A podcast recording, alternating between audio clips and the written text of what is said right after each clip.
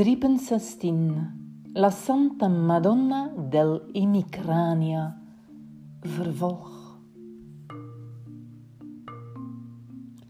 Het wordt van je verwacht waarde te hechten aan de waarderingen van anderen. Zeker binnen een groep. Maar de bodem waarop respect groeit is een poel, een drijfzand van emoties en het is onduidelijk waar mijn geluk precies eindigt, zeker wanneer daar het geluk van een ander begint.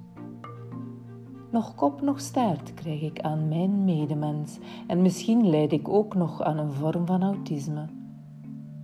Plotsklaps beslist je vriend je vijand te worden. Men opteert voor een conversatie in zijn eigen hoofd. En hoe afwezig je ook bent in dat gesprek, toch krijg je woorden in de mond gelegd. Getwist en gedraaid trekken ze het voortouw in wat jij toen hebt gezegd dat pijn deed. En zonder dat je erbij bent, sta je voor een krijgsraad om bij een volgend weerzien door dezelfde vriendelijke mensen van gisteren plots voor een vuurpeloton te komen staan. Probeer je het via communicatie, dan hengel je in een lege vijver. En daar hebben de communicatiemiddelen niets aan bijgebracht. En het is daar dat jij als afwezige deelnemer voor de gevolgen van hun conclusies op voorhand verloren bent. Daar moet je het mee doen. Het ene moment word je met liefde en respect benaderd, en een andere keer geeft men je een trap onder je kont. Toch blijf ik pro deo altijd liefde voelen. En in alle oppervlakkigheid wordt ze meestal beantwoord. Dat sommigen bij mij om raad vragen, met hun ogen wijd, zo wijd, als ben ik de heilige Madonna zelf, is het recto verso van het verhaal van de meester uit de academie. Want ook het omgekeerde gebeurt minstens even vaak. Ik weet niet of het altijd mijn eigen voet is die de spade in de bodem steekt om hem van haat naar liefde of van liefde naar haat om te spitten. Maar één ding is zeker: het is vermoeiend. Te vermoeiend. Want welke mens is altijd in staat van pure liefde? Schijnbaar lukt het niet zonder eerst aan een kruis te worden genageld. Maar misschien ben ik nog niet klaar met lijden. Niet klaar om La Santa Madonna del Emicrania, stichteres van de eerste congregatie van de heilige martelares Migrania te zijn. Met kloosters in alle windstreken, een kapel, een grot, een kerk, een berg met een klooster erop.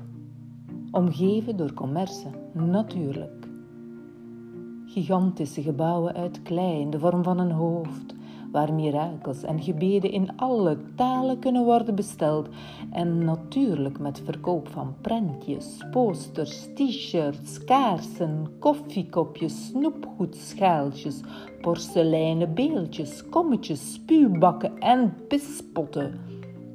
Alles met mijn portret erop, met ogen vol waar. Aan de ene kant een lachend gezicht en een knipoog, en aan de andere kant een pruillip, net als Shanny van de migraine-app. Voor de hele vrome volgers is er een gebedenboek met kunstige collages. Zij krijgen meteen ook toegang tot video's en platforms waarop ze al hun smarten kunnen delen. We trotseren en we troosten.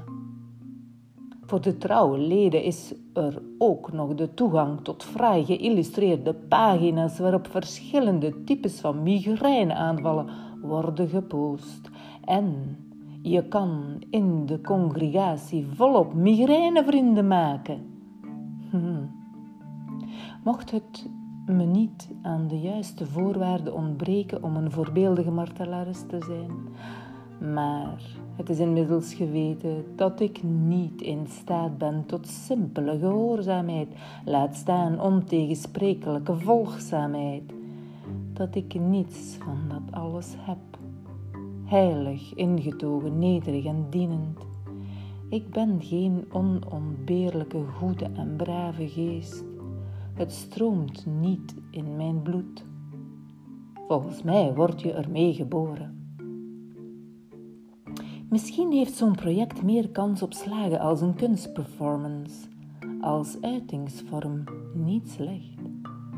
Hoe mooi is het niet om van de gevangenschap een kunstkamer te maken, een cel met geblindeerde ramen.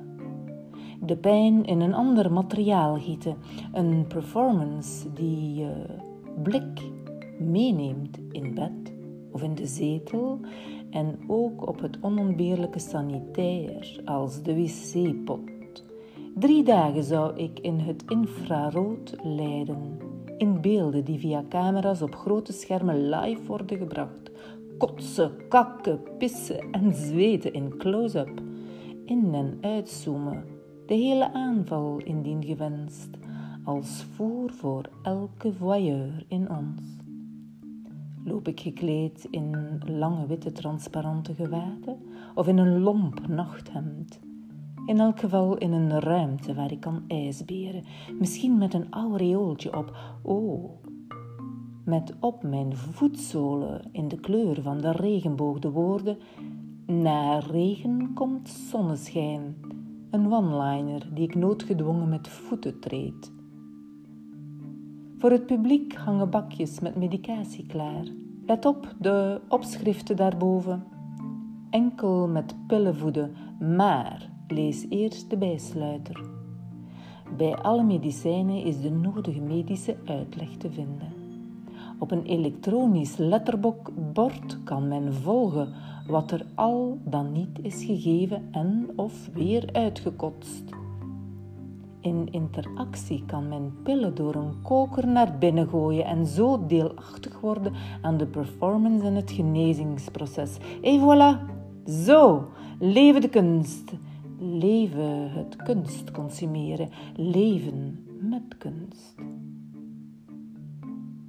Maar ook dat project is niet naar mijn wens. Het liefst trek ik me terug om stil te liggen. Ik lig in bed en lig in de zetel en leer het wachten te verdragen. Ik lig in mijn tuin en als ik in het wachten het wachten niet aan kan, beloer ik de eekhoorns. Ik lig vaak te denken en benijd de eigenschappen van de vijgenboom, die zo moeiteloos weet te zijn, zo goed en vrijgevig is en flexibel met alle takken zijn gedachten uit verveling. Als ik me verveel, wil ik soms wel met een goed karakter geboren zijn. Als mijn hersenen samentrekken van de pijn, denk ik aan de goedheid van de anderen, zoals die van de controlearts. De laatste controlearts die ik zag zou een perfecte Madonna del Controle zijn. Haar frisse, aangeboren deugdelijkheid is te benijden. Hoe gaat het nu met u? vroeg ze. In het woordje nu zat zoveel warmte en haar vraag had geen formeel karakter. Het was de eerste keer dat een controlearts openlijk blijk gaf van empathie. Het was haast niet te geloven. Wilde ze nu echt weten hoe het werkelijk met me was. Eerst zweeg ik, maar ze keek vriendelijk naar me en gooide er met: Gaat het ondertussen beter? een extra schepje empathie bovenop. Ze had zelf de sluizen opengezet en een heel onbeheerste vloed aan informatie stroomde over haar heen.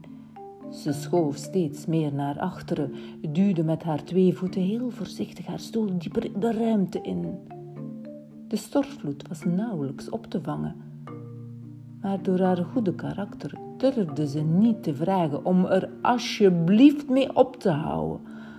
Ik overlaadde haar met mijn epistels, liet het niet na misbruik te maken van haar gulheid. Integendeel, haar goedheid stimuleerde mijn egoïsme.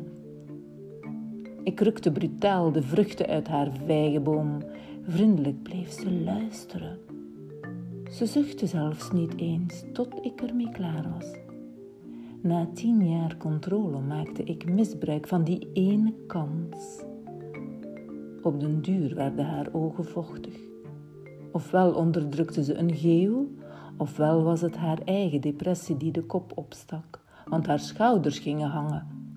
Maar ik bleef onfatsoenlijk. Om mensen zoals haar te beschermen zou er in elke stad een klaagmuur moeten staan. Joden begrijpen dat. Maar aan de Gentse klaagmuur bestaat het gevaar dat de grote groep mekkerende stadsgenoten het vuur opent om de bedeesde klagers. Daarom zou er een rode knop moeten voorzien zijn om eenvoudigweg de vloer te laten opengaan, de mopperaar via een glijbaan op te scheppen en te laten afglijden naar een ondergrondse ruimte waar alle gezaag in containers wordt opgeslagen. Elke psycholoog zou zo'n knop moeten hebben. Zeker zij, de controlearts. Die lieve, lieve controlearts zocht misschien wel de knop die mij er onderuit zou halen, maar ze durfde met al haar heilige meedogen niet te drukken. Ineens onderbrak ze mij en zei dat het misschien nooit zou overgaan dat ik daar misschien moest leren mee leven.